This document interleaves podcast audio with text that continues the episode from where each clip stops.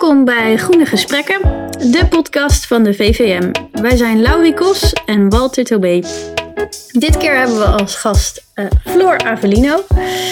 Floor is al enige tijd bezig met het onderwerp politiek van duurzaamheidstransities. Uh, ze werkte bij Drift, een gerenommeerd onderzoeksinstituut binnen duurzaamheidstransities.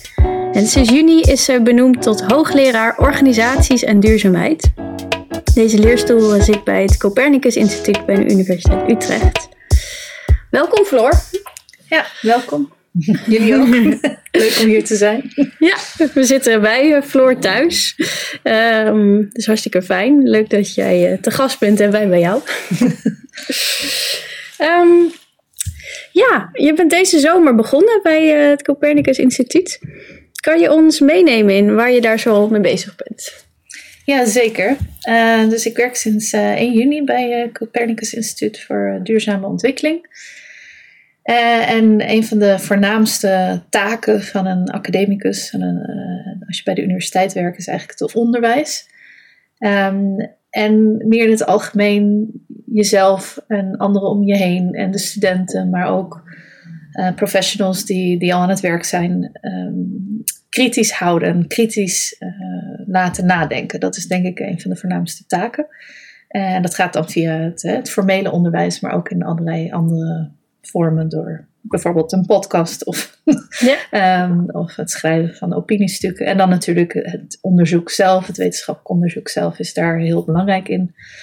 Uh, dat het uh, niet alleen maar gaat om, om, om je mening spuien, maar dat, dat het ook gaat om het bevragen van um, hoe dingen uh, in de werkelijkheid zich afspelen. Uh, en ook het kritisch kijken naar hoe mensen daar verschillend naar kijken. En daar dan ook weer onderzoek naar doen. Dus het is een combinatie van ja. onderzoek en onderwijs. Dat is het belangrijkste. Leuk. En um, zit je qua onderzoek nu op een, een andere focus dan, uh, dan je deed bij Drift? Of hoe, hoe borduurt het werk? Uh, ja, nee, ik heb dus de afgelopen twintig jaar um, in uh, onderzoek gedaan naar duurzaamheidstransities. En ik ben me daarin steeds meer gaan specialiseren, ook in de rol van sociale innovatie en de rol van macht. Ja. Um, de, de, rol van macht is eigenlijk altijd mijn focus geweest uh, sinds mijn proefschrift. Maar uh, toen keek ik nog erg naar technologische innovatie en nu steeds meer naar sociale innovatie in de afgelopen jaren. En die lijn zet zich wel door. Uh, alleen nu bij, bij Utrecht gaat de focus ook, ook meer naar uh, de overlap tussen innovatiestudies en organisatiestudies. En echt, um, oh, ja. en dat, want ik heb in, in het verleden heel veel gekeken naar sociale bewegingen en bottom-up movements en grassroots movements. Ja. Um, en het idee voor de toekomst is, dat, dat zal ik zeker blijven doen, maar om ook te kijken hoe die dan interacteren met meer uh, top-down uh, aspecten en ook meer grote bedrijven. Dus dat je niet alleen kijkt naar de, de, de, meer sociale bewegingen of alleen overheidsingrepen, maar ook de grotere bedrijven. En dan de interactie tussen al die verschillende spelers. Dus ja. dat, dat is het idee. En daar kunnen we ook heel veel leren van organisatiestudies en uh, bedrijfskunde en dat soort disciplines. Ja. Uh, dus om die overlap, uh, dus ook uh, het onderzoek naar sociaal ondernemerschap, wat kunnen we daarvan leren? Institutioneel ondernemerschap. Daar is heel veel in gedaan. Ja, groot speelveld. En ja. macht blijft wel mijn focus, persoonlijk, maar de leerstoel is breder dan dat. Ja, er zijn ook collega's van mij die zijn uh, bezig met meer psychologie, de psychologie van, ja. uh, van transities, gedragsverandering, de rol daarvan. Um, en de rode lijn is meer in het algemeen hoe organiseer en innoveer je voor rechtvaardige duurzaamheidstransities. Dus, en dan organiseren in de breedste zin van het woord. Hè? Dus niet alleen de praktische zaken, maar ook organizing, zoals je in het Engels zegt, van hoe mobiliseer je mensen, hoe krijg je mensen bij elkaar. Dus dat kan ja. gaan over een sociale beweging of protest, maar het kan ook gaan over sociaal ondernemerschap. En, ja. ja. dat zie je heel veel dingen terug inderdaad. Ja. ja. Je, je um, noemt specifiek rechtvaardigheid um, als, als onderdeel van transities en onderdeel van je studie ook. Ja. Um, is dat een, een, een, een, een bepalend thema of een belangrijk thema in sociale transities? Jazeker. In, in theorie uh, is het zelfs een, een, een, inherent onderdeel van duurzaamheid. Of in theorie, zo is het hele concept van duurzaamheid natuurlijk begonnen. Dat het uh, ging om ecologische en sociale en economische ontwikkeling. En gelijkheid was daar heel erg een onderdeel van. Ehm, maar je merkt dat in de afgelopen jaren er steeds meer focus ligt op de ecologische aspecten van duurzaamheid. En dat is ook heel begrijpelijk en terecht en belangrijk. Uh, alleen je merkt dat dan in die focus op het ecologische raakt soms uh, de, de, de, rechtvaardigheidsaspecten, de sociale aspecten worden uh, soms genegeerd of er, er ontstaan. Uh, ja. Dus, er ontstaan blinde vlekken voor, voor rechtvaardigheid. Um, en dan kun je twee dingen doen. Of je kunt heel erg um, gaan debatteren dat duurzaamheid ook over rechtvaardigheid gaat. En dat iedereen die het woord duurzaamheid gebruikt, het ook over rechtvaardigheid moet hebben. Of je kunt accepteren dat sommige mensen duurzaamheid gebruiken in de puur ecologische zin. En dan daar, als je zelf rechtvaardigheid willen benadrukken, het woord rechtvaardigheid eraan toevoegen. En ik heb gekozen voor die laatste strategie, want het lijkt me niet zo nuttig als ik de hele tijd uh, tegen mensen die met, met ecologische aspecten bezig zijn, zegt nee, maar wat jij doet is niet duurzaam, want er zit geen rechtvaardigheid in. Dus ik vind het gewoon nuttiger om te zeggen, rechtvaardigheid is ook belangrijk, even belangrijk, en ik voeg het er gewoon aan toe. Ja. Dus dat is een discussie die heerst. Hè, van, als je zegt rechtvaardige duurzaamheidstransities, zou dat niet eigenlijk in het concept van duurzaamheid zelf al moeten zitten? Ja. Ja, en we voegen het eraan toe. Ja, ja. nou. nou. Oké. Hey, hoe ben jij eigenlijk persoonlijk bij het onderwerp macht betrokken geraakt? Is daar iets uh, gebeurd hoe jij hierop bent gestuurd? Of hoe, uh... Uh, ja, dus ik, ik heb politicologie gestudeerd, dus dat is waarschijnlijk, hè, dat, dat heeft dat mij beïnvloed in, in, ja. in het, het, willen begrijpen van machtsrelaties. Maar ik denk dat we, wat eigenlijk belangrijker was, want ik heb politicologie gestuurd en mijn masterscriptie ging over het Europese veiligheids- en defensiebeleid. Ah. En volgens mij kwam het woord macht daar niet eens in voor. Dus het was niet zo dat ik vanuit mijn studie, een, vanuit mijn uh, masterstudie, heel erg een, een, focus had op macht. Uh, toen ging ik bij Drift werken, ging ik daar proefschrift uh, schrijven en onderzoek doen naar, de, naar um, transities in, naar duurzame mobiliteit in Nederland.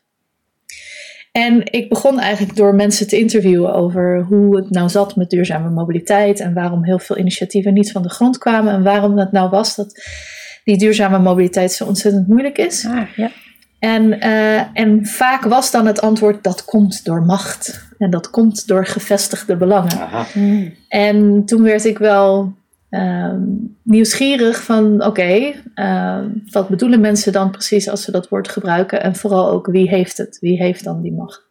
En toen ben ik daar mensen naar door gaan vragen en dan zie je dus hele interessante antwoorden en verklaringen en ook echt een soort van praktische theorieën over hoe macht werkt of niet en dat, wie het dan zou hebben of niet en dat bijna niemand denkt dat hij het heeft. Uh, of ontkent dat hij het heeft. En op die manier ben ik geïnteresseerd geraakt en ben ik vervolgens ook in de literatuur gaan kijken wat men daarover heeft gezegd. Dus zo is het eigenlijk begonnen. Ja. Leuk. Ja, interessant. Ja, dat wordt misschien wel eens onderschat inderdaad in dit soort discussies. Ja. Ja. ja. Dus het wordt vaak, vaak wordt het, woord, het concept van macht gebruikt als een soort verklaring waarom de dingen zijn zoals ze zijn. Mm -hmm. uh, of een verklaring voor waarom dingen niet veranderen. Maar in welk opzicht is dat dan een verklaring? En als macht de dingen verklaart, hoe kunnen we dat dan verder begrijpen? En uh, ja, ja, zorgen dat het dan uh, in plaats van een belemmering voor verandering is, kan het ook een, uh, een potentieel voor verandering zijn. En dat is dus mijn argument dat dat wel zo is. Ja, interessant. Ja, ja want het kan ook als excuus worden gebruikt. Precies. Het mag ja. niet bij mij, bij een ander, dus ik hoef niks te doen. Ja, of ja, het ligt bij gevestigde belangen of het systeem. Um, en dat is ook zo. Maar laten we het daar dan ook over hebben, hoe dat dan zit en wat we daaraan kunnen doen. Ja. ja. Ook het gevoel van machteloosheid van mensen. Dan al ja. wel of niet terecht. Ja, dus als je mensen gaat vragen wie heeft de macht, dan, dan merk je dat ze vaak in eerste instantie naar andere actoren wijzen en niet naar zichzelf. Um, uh, ja, en dan krijg je dus inderdaad een soort van uh, vicieuze cirkel, dat iedereen naar elkaar wijst. Um, en dat mensen het idee hebben van, van machteloosheid. Uh, en volgens mij is dus een van de grootste uitdagingen van uh, transities is dat te doorbreken. En op zich wel de bescheidenheid behouden dat niemand alle macht heeft, maar uh, wel zoeken naar waar, waar heeft iemand wel de macht. Um, ja, dus uiteindelijk als je bedrijven gaat bevragen, dan wijzen ze naar de consument. Als je politici gaat bevragen, dan wijzen ze naar de kiezer. Ja. Ehm, en ja, als de consument en de kiezer vinden nou ook niet dat zij de macht hebben. Dus eh, iedereen wijst naar elkaar. Ehm, en ik denk dat het dus interessant is om dan ook dat van elkaar te erkennen. Van oké, hier heb ik macht en, en jij, jij niet. Maar samen kunnen we er misschien wel wat aan doen. Iedereen heeft, heeft macht, maar op verschillende vormen. Ja. Want we hebben vaak de neiging om over macht te denken als iets wat eh, neutraal is, zoals geld of middelen in het algemeen. Van je hebt een beetje macht of je hebt heel veel macht.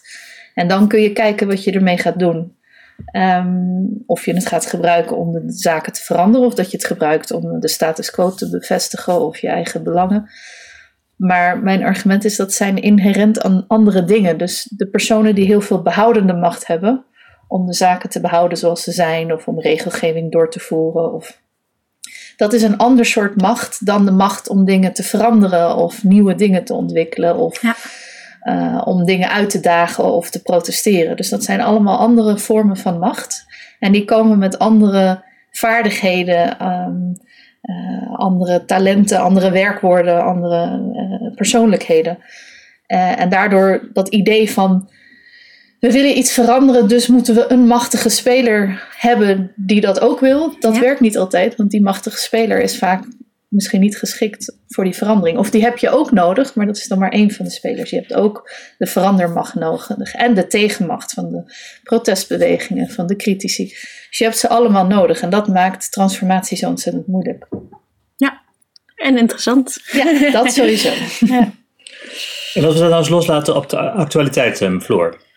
We nemen deze podcast op terwijl in Sharm el-Sheikh COP27 gaande is. Ja. Ehm, hè, daarin zijn natuurlijk staten, bedrijven, NGO's en allerlei andere actoren eh, bezig om te kijken of ze een gezamenlijke koers kunnen vinden voor de oplossing van het klimaatprobleem. Hoe kijk jij van- naar die onderhandelingen vanuit het perspectief op macht? Nou, ten eerste denk ik dat het heel belangrijk is, vooral in, in het kader van normering. Hè? Dus eh, andere manieren van denken, andere manieren van ehm, prioriteren. Dus ik denk dat eh, internationale normering daar een hele belangrijke rol in speelt. Dus laat ik dat ten eerste zeggen. Dus ik denk dat het een En wat bedoel je daar precies mee? Internationaal? nou, dat, dat, dat mensen met elkaar afspreken wat we belangrijk vinden Ja. als internationale Ja. eh, gemeenschap. ehm, eh, eh, dat, dat er een, een, een signaal wordt gegeven dat hier iets mee moet worden gedaan. Daar is het heel erg belangrijk voor. Eh, wat ik wel merk is dat er soms te veel verwachtingen van zijn en dan ook heel veel teleurstelling. Dus ik denk dat wat er ook uitkomt, eh, dat het vooral erin zit hoe er daarna mee wordt omgegaan. Ehm, en dat de daad- daadwerkelijke uitvoering, dat dat niet van de kop moet komen. Dat, dat komt uiteindelijk van ehm, de, de, de overheden en de, en de bedrijven zelf, die daar dan gebruik van maken of daarnaar verwijzen. Maar daar hangt het uiteindelijk vanaf. Dus ik merk dat er vaak te hoge verwachtingen zijn. Maar aan de andere kant, eh, je hebt die normering wel nodig. Dus ik, bijvoorbeeld zo'n zaak als eh, de agenda tegen de staat. Ja. eh, die heeft er wat aan gehad dat dat Mhm. soort internationale afspraken zijn Ja. gemaakt. Maar ik denk dan dus dat die zaak is dan wat je nodig hebt om Ja. er ook wat mee te doen. Dus je moet, je moet slim inspelen op die internationale afspraken die worden gemaakt. Maar die internationale afspraken aan zich gaan niet een soort magische verandering brengen. Je moet daarop inspelen en gebruik van maken. Eh, en het is vooral ook niet genoeg. Nee. nee, nee. Je ziet daar ook de partijen die een, een verschillende machtbasis hebben.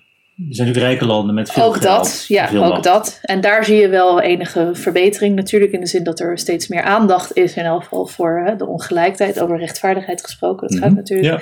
heel erg over die ongelijkheid. Over het feit eh, dat eh, de landen waar de uitstoot is, niet de landen zijn waar de, de, de grootste impact en schade is. En dat daar steeds meer aandacht voor is, dat, dat, dat is aan de ene kant heel fijn. Aan de andere kant eh, is het dan ook frustrerend om te zien dat het, dat het vaak nog symbolisch blijft. Of dat er dingen Ja. worden beloofd waar niks mee gebeurt. Dus ik, ik wil wel dat we allemaal daar een soort van voorbereid op zijn.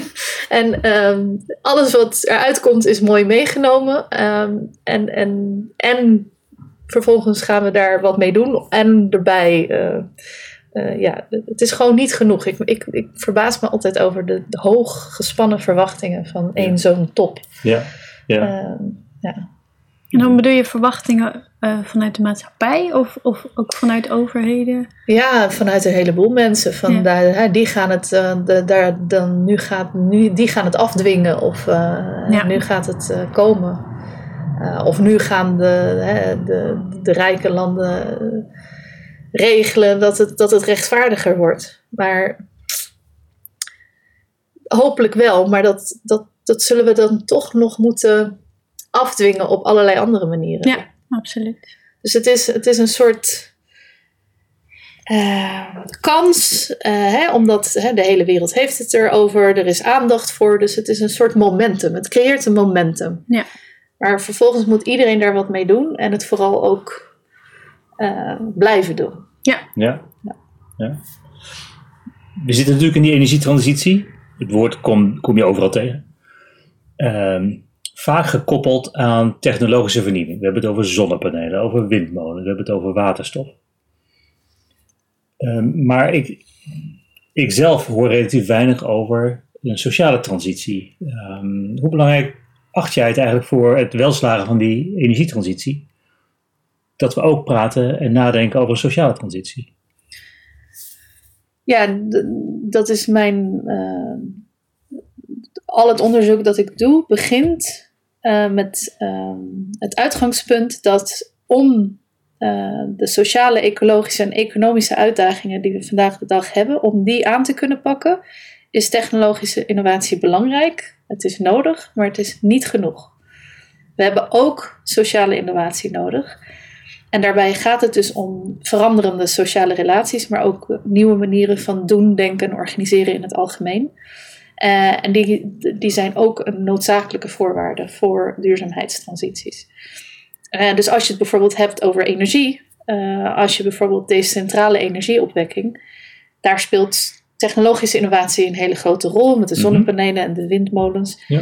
Maar het vergt ook dat eh, buren anders met elkaar omgaan. eh, dat eh, de consument en de overheid een andere relatie met elkaar krijgen. Dat hè, de relatie tussen de consument en de producent verandert ook. Dus er verandert van alles in de sociale sfeer. En dat vergt nieuwe praktijken. Dus buren die samen hun zonnepanelen onderhouden. Of het komt met andere organisatievormen. de, of de coöperatieve vereniging.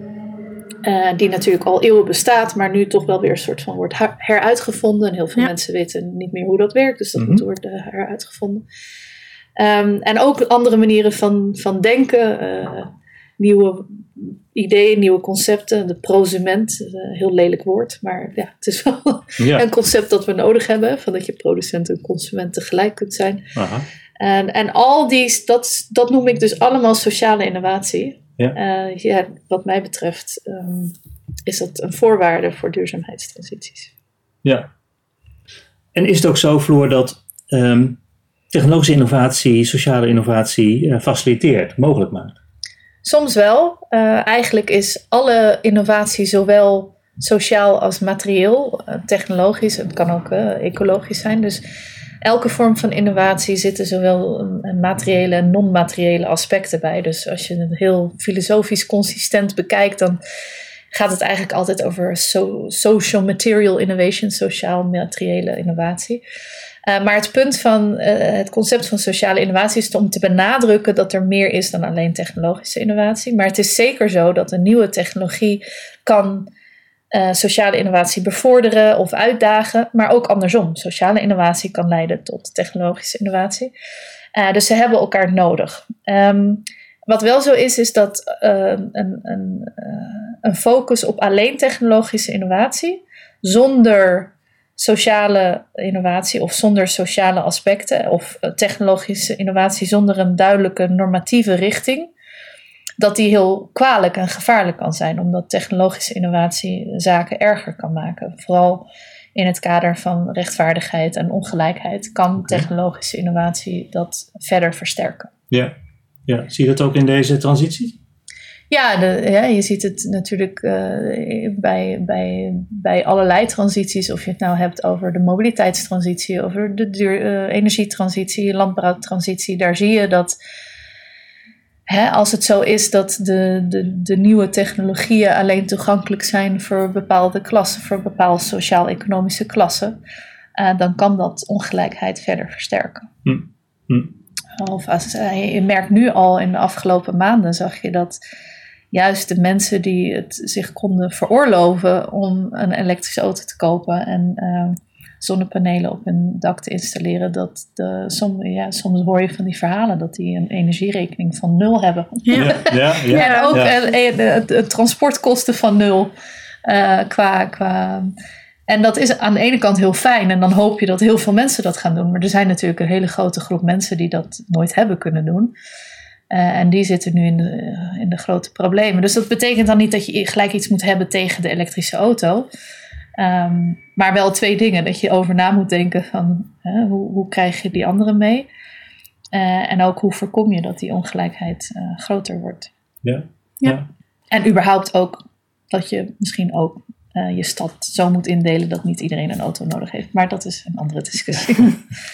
en dat is dus vaak met technologische innovatie, dat we vaak dan verliefd worden op een, een specifieke technologie. Mhm. Maar eh, Mhm. dat is het, vaak het risico van technologische innovatie. Ja. Ja. Dat het altijd in een systeemverband. En dat is ook echt de, de, de toegevoegde waarde van innovatiestudies en vooral hè, systeeminnovatie, transitiestudies, is om technologische innovatie en ook sociale innovatie in systeemverband te zien. Want wat ik zeg over technologische innovatie kun je ook over sociale innovatie zeggen. Hè. Mensen raken heel enthousiast over Mhm. het basisinkomen. Ja. Eh, maar dat kan ook weer allerlei onbedoelde effecten hebben. Je moet het altijd in, eh, in zijn context, in zijn systeemcontext bekijken. Ja. Ja. Ja. En dat geldt voor allebei. Ja. Ja. Oh. Als we nu kijken ehm, naar het EU-beleid, dan is dat heel erg top-down. Ehm, bijna van, vanuit, eh, ja, van, van nature ehm, stuurt de EU om eh, energietransitie eigenlijk af te dwingen, eh, om die, die transitie te versnellen en tot verandering te komen. Ik hoor niet dat daar ook specifiek focus is op een sociale transitie. Hoe zou die sociale transitie wat jou betreft wel tot stand kunnen komen? Of hoe zou die eruit kunnen zien? Nou, ik, kijk, ik weet niet precies wat je bedoelt met een, sociale transitie. Dus ik zou het eerder hebben over bijvoorbeeld eh, rechtvaardige duurzaamheidstransities in verschillende sectoren. En die zijn dan zowel ecologisch als sociaal. En dan is de vraag, wat is de rol van sociale eh, initiatieven of sociale innovatie daarin? En dan, ik weet niet, kijk, dat is natuurlijk het idee hè, dat we hebben van de Europese Unie, dat het enorm top-down is. Maar je hebt bijvoorbeeld, eh, als je kijkt naar de, de beweging rondom decentrale energieopwekking. En dan uh, Rescope bijvoorbeeld, het netwerk van eh, decentrale energieinitiatieven en, en coöperatieven. Ehm, dat, dat die best wel actief zijn in het lobbyen bij de Europese Unie.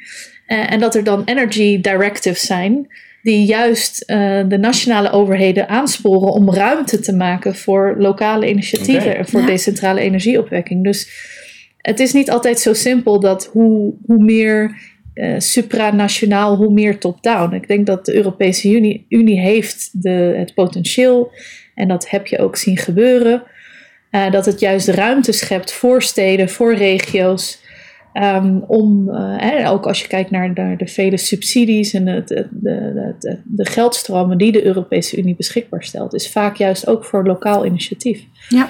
Dus ik weet niet of de Europese Unie alleen maar top-down is. Uiteraard kunnen we heel kritisch zijn over het democratische gehalte van de Europese Unie en, en bepaalde technocratische tendensen, dat zeker. Ehm, maar het is niet zo dat het altijd alleen maar top-down is.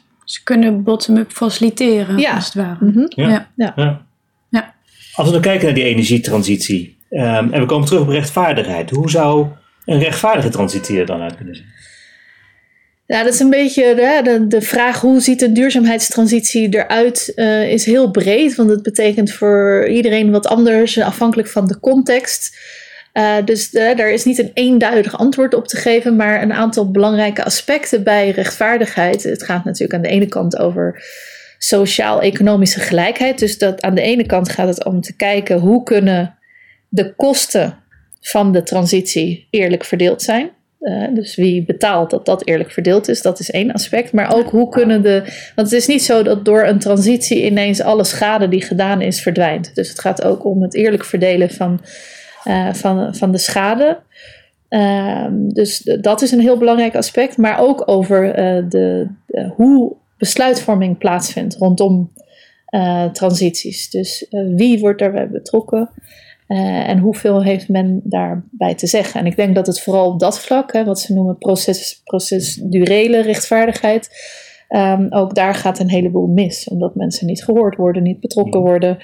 Um, en dan heb je nog een, een meer ingewikkelde aspect, en dat gaat meer echt over ook de historische, uh, de, de, recognition justice. Uh, dus uh, dat we en dat, dat is nu heel erg die discussie van het toegeven wie heeft uh, klimaatcrisis veroorzaakt en, en hoe compenseren we dat ook uh, historisch, maar ook uh, het, het erkennen van de culturele verschillen en dat je dus ook accepteert dat mensen een andere manier hebben om om te gaan met de, met, uh, met de klimaatverandering, het erkennen van verschillende vormen van kennis. Hè. Dus het gaat niet alleen om technologische kennis van CO2, maar hè, het kan ook gaan om verschillende culturele perspectieven op hoe je moet leven en dat we daarvan leren. Dus en er zijn zo ontzettend veel aspecten van rechtvaardigheid. Komt er uiteindelijk op neer dat het zowel in het proces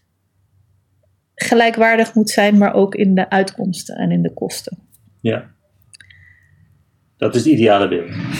ja, ja nou kijk, maar het, als ik het heb over rechtvaardige duurzaamheidstransities, heb ik het niet over een soort utopisch toekomstbeeld, waar ik dan heel duidelijk een idee heb van hoe het er allemaal precies uit moet zien. Het gaat vooral juist om het proces er naartoe, dat je het bevraagt en dat je dit soort vraagstukken blijft erkennen. Dus eh, erkenning is een heel belangrijk aspect. Je hoeft het niet gelijk op te lossen. Dat is dezelfde de hele discussie rondom institutioneel racisme. Mhm. Het gaat er niet meteen om dat je een toekomst hebt waarin iedereen kleurenblind is. Dat zou natuurlijk mooi zijn, maar daar gaat het niet om. Het gaat juist om het erkennen uh, van wat, wat zijn de onrechtvaardigheden nu en of hoe worden die ervaren? En dat geldt dus ook bij duurzaamheid. Van wat is er gebeurd in het verleden? Wat zijn de onrechtvaardigheden en de ongelijkheden? En dat je die blijft benoemen en bevragen. Dus ik denk dat als we het hebben over een transitie, dat het niet alleen, juist helemaal niet alleen gaat over het eindpunt, maar ook over het proces ernaartoe. Juist het proces. Ja. Ja, ja. En wat voor ontwikkelingen zie je daar dan? Met name bottom-up ontwikkelingen? Nou, eh, ontzettend uh, veel. Um, uh, wij hebben zelf onderzoek gedaan naar, naar allerlei sociale bewegingen die daarmee bezig zijn. Of het, ik heb zelf onderzoek gedaan naar de Ecodorpenbeweging. dat is dan vrij donkergroen, zoals sommigen het mhm. zouden zeggen. Mhm. Of radicaal, niet in de zin van geweld, maar in de zin van vrij, vrij drastische veranderingen in hoe mensen dan leven. En Um, maar je hebt ook bijvoorbeeld co-housing initiatieven, dus mensen die uh, meer. Uh, je hebt natuurlijk de deeleconomie. Um, ja. Je hebt participatief budgetteren, wat iets totaal anders is, maar wel eraan gerelateerd is, omdat mensen dan betrokken worden bij bijvoorbeeld besluiten hoe een gemeentebudget wordt uh, besteed. En daar merk je dan ook heel veel aandacht voor duurzaamheid. je hebt bewegingen zoals de Impact Hub, dat is een netwerk van sociaal ondernemers.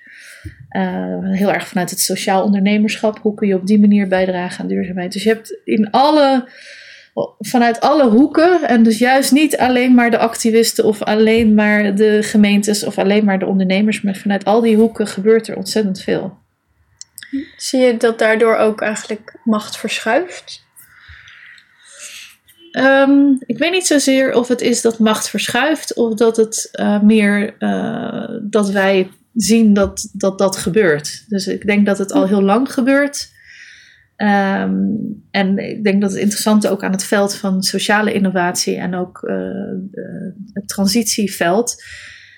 Aan de ene kant kijk je heel erg naar regimes en de mainstream en hoe de dingen zijn. Maar dat je ook historisch ziet dat grote veranderingen beginnen altijd klein. Ja. Dus het kan nu lijken alsof het marginaal uh, gerommel in de marge is, of klein of heel weinig macht heeft.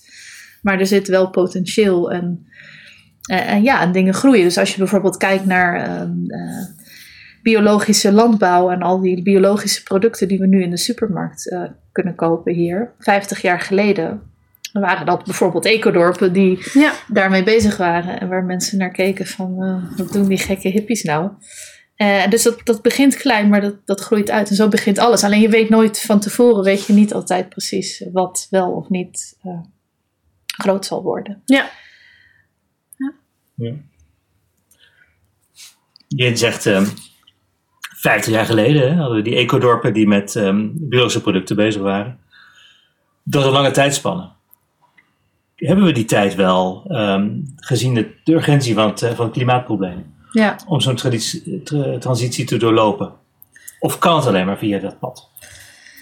Dat is een van de grootste dilemma's in het hele, de hele discussie rondom rechtvaardige duurzaamheidstransities. Hè. Eh, Het dilemma van de urgentie enerzijds en de noodzaak eh, om je tijd te nemen om het op een goede manier te doen. Dus ja, het antwoord is: hebben we die tijd eigenlijk niet? Hè? We willen het allemaal zo snel mogelijk. Wat ik wel denk is dat we soms onderschatten, of misschien overschatten, hoe snel top-down beleid gaat werken. Als je nu bijvoorbeeld kijkt naar, je kan wel top-down zeggen, de boeren moeten dit doen, maar als die vervolgens gaan protesteren, nou, dat lijkt me toch wel. Eh, weet je, er is zoiets als. eh, een, eh, het, het- je kunt het niet afdwingen.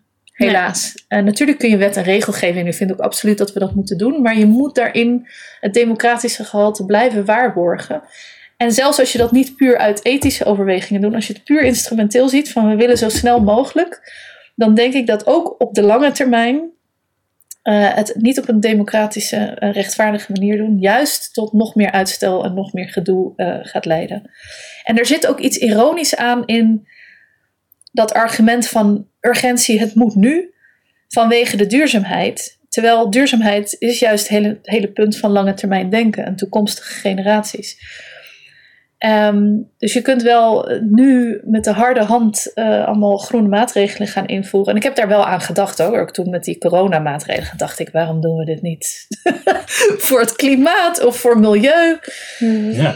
Ehm, maar ja, het, het is toch, want het, grote verschil tussen de coronamaatregelen en het klimaat is dat bij corona was het heel afgebakend. Hè? Eén virus en hele afgebakende maatregelen. Ja. Dus ik heb me daar toen heel erg aan geërgerd. Waarom doen we dat niet voor milieu en klimaat? Maar je kunt het niet helemaal met elkaar vergelijken. Ehm, maar ik denk dus als je met de harde hand eh, vergroeningsmaatregelen te hard invoert, dat dat heel erg kan backfiren en dat het dan nog langer gaat duren. Dus je moet mensen meenemen. Ja, ja. Het is een, een noodzakelijk proces, zeg je. Ja, om te helaas wel. Maar ik denk dat we dat noodzakelijke proces misschien wel sneller kunnen doen. Ik denk dus dat we, en ik ga niet zeggen van laten we de kop overslaan, dat bedoel ik niet. Maar er zijn een heleboel overleggen en innovatieplatforms en een heleboel dingen eh, waar heel veel tijd en energie in gaat steken. En daarvan denk ik soms van, als je dat nou zou steken in het be- betrekken van, van eh, de mensen die het uiteindelijk moeten gaan doen. Ja. Dus ik denk ook dat hè, dat, dat idee van het moet sneller. Ehm, je kan ook, en er zijn allerlei ideeën over burgerpanels Mhm. en eh, Burgerberaad. ja, burgerberaad. Ja. ehm, en, en daar is heel veel sceptisch over. En ja, dat wil ik ook heel graag onderzoeken. Van, eh, wat doet dat nou? Er is heel veel sceptisch over, want dat zou allemaal te lang duren. Alsof het nu allemaal zo efficiënt en snel gaat. Ja. Of dingen met loterijen. Of gewoon laten we ook democratisch innoveren om, het, om, het, om dat proces ook te versnellen waar mogelijk. Ja. Eh, en een heleboel slome democratische processen die nu gaande zijn, zijn juist sloom omdat ze vaak heel technocratisch zijn. En ja. Ja. Ehm, wat je ziet is dat er zijn zoveel mooie alternatieve initiatieven. Die zie je bijna nooit. Hè, als je op televisie eh, alle discussies ziet van de boze boer tegenover hè, eh, de, de woke linkse stadsbewoner, om het maar even heel, maar zo wordt het soms neergezet. Mhm. Er zijn zoveel mooie alternatieve, ondernemende, en dat is, het zijn niet altijd eh, alleen maar de donkergroene, biologische, dynamische landbouw. Er zijn zo ontzettend veel ondernemende boeren die bezig zijn met duurzaamheid. En er is heel veel aandacht voor, maar het zou zo mooi zijn als daar in de mainstream ook meer aandacht eh, voor zou zijn. Dus ik denk Ja. ook journalistiek eh, is er een uitdaging om eh, ook meer aandacht te geven aan hè, positief journalisme, journalistiek. eh, om aandacht te geven aan die alternatieven die er wel zijn. Ja, niet de luidste stemmen de meeste ruimte te geven. Ja, nee, dus er zit ook weer een hele macht bij de journalistiek. dat is weer een heel, heel- ook weer een heel onderwerp. Ehm, ja. De meeste luisteraars van deze podcast eh, hebben een eh, groen hart, maar zitten zelf ook vast in bestaande structuren van werk en, en burgerschap.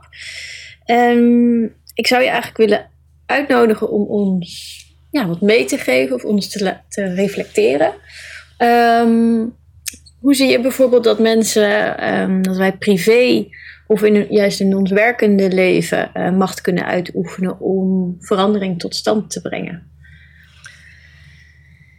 Oh, waar te beginnen? Ehm, Misschien eerst privé. Ja, nou allereerst, kijk, er is natuurlijk heel veel wat je kunt doen als consument en als ouder en uh, als uh, gewoon in je vriendschappen het erover hebben en als buren en samen dingen ondernemen en de kwesties bespreken. Dus ik denk dat dat allemaal belangrijke dingen zijn en uiteraard ook uh, in het huishouden en uh, wat je in de winkel koopt. Ja. Tegelijkertijd, hè, we kennen, velen van ons kennen die discussie uh, over hè, beter milieu begint niet bij jezelf. Ja. in de zin van, daar, we moeten het niet alleen maar daarover hebben. Dus ik denk, maar dan ook weer niet helemaal loslaten. Hè, want dat merk je dat mensen dan ja. het een of het andere perspectief kiezen. Ik denk dat we echt het du dualistische, nee niet dualistisch, dialectisch perspectief. Dus dat we het echt allebei nodig hebben. Ja. Uh, en dat we ook allebei bevragen. Hè, van nu ben ik echt uh, zoveel aan het investeren in het, uh, in het recyclen. Kan ik dat niet beter investeren door, weet ik veel, te doneren aan de Milieudefensie. Dus er zijn allemaal afwegingen. Dus ik denk dat we het allebei moeten doen. En ons gedrag en onze consumptie aanpassen. Maar ook vooral het politi politieke debat aangaan. En dan heb ik het niet alleen over partijpolitiek. Dat lijkt me trouwens ook heel belangrijk. Maar goed, ik denk niet dat het gepast is om een stemadvies te geven. Hoewel, misschien is dat ook. Uh, dus ik denk dat het belangrijk is om politiek na te denken van waar stem je voor en wat voor effect heeft dat. Maar uh, wat voor effect heeft dat? Maar vooral ook het, het debat aan te gaan. En ook je steun te betuigen. Um, uh, voor organisaties die hiermee bezig zijn. En ga ja. kijken naar wat zijn nou de, de, de organisaties. Hè, de VVM. Uh, maar er zijn ook allerlei andere organisaties. Bij jou in de buurt, bij jou in de stad, uh, bij jou in het land, bij jou in mondiaal. Er zijn zo ontzettend veel netwerken bezig met mooie initiatieven. En het gaat niet alleen maar om geld doneren. Het gaat ook om steun betuigen op sociale media. Um, uh, de verhalen verder vertellen ja. uh, over hoe die ermee bezig zijn. En ook ja, de protestbewegingen. Dus daar komen we weer met uh, al, al, die verschillende ehm, dingen die je kunt doen. Zelfs al ga je misschien zelf niet meelopen. We hebben gezien ook met, met eh, Fridays for Future en Extinction Rebellion. Dat ja. ouders die niet zelf gaan meelopen, maar wel hun kinderen steunen. Of, er zijn zoveel manieren om al die verschillende bewegingen te te steunen. Al is het alleen ja. maar door te erkennen dat wat ze doen belangrijk is. Ja, zeker. En heb je um, ook advies over hoe mensen in hun werk um, misschien op een andere manier kunnen reflecteren op het brengen van verandering? Um, dus, nou, iedereen werkt natuurlijk ergens anders, maar ja.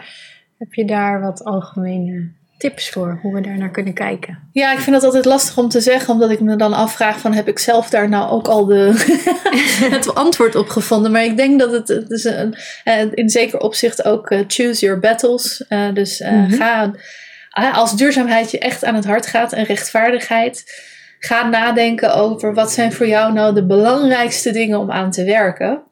En ga dan vooral in eerste instantie dat niet alleen roepen of alleen maar klagen, maar ga kijken wat gebeurt er al. Wat doen andere mensen in de organisatie of ja. in het netwerk? En uh, hoe kun je die uh, ondersteunen? Uh, hoe kun je daarmee samenwerken? En natuurlijk is het helemaal mooi als je zelf initiatief neemt. Ja. maar ik denk dat vaak nemen mensen initiatief zonder te kijken van wat, wat is er allemaal al.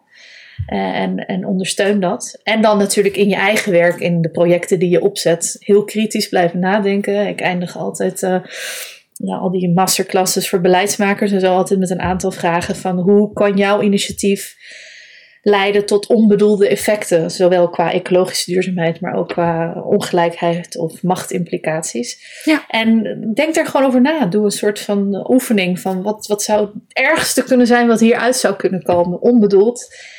En dan vervolgens niet daar cynisch van worden, maar nadenken hoe kunnen we daar dan mee omgaan. Dus echt kritische vragen stellen, ook over je eigen werk. En, ehm, eh, en ja, en dan uh, daar en wat ik heel mooi vind is natuurlijk ook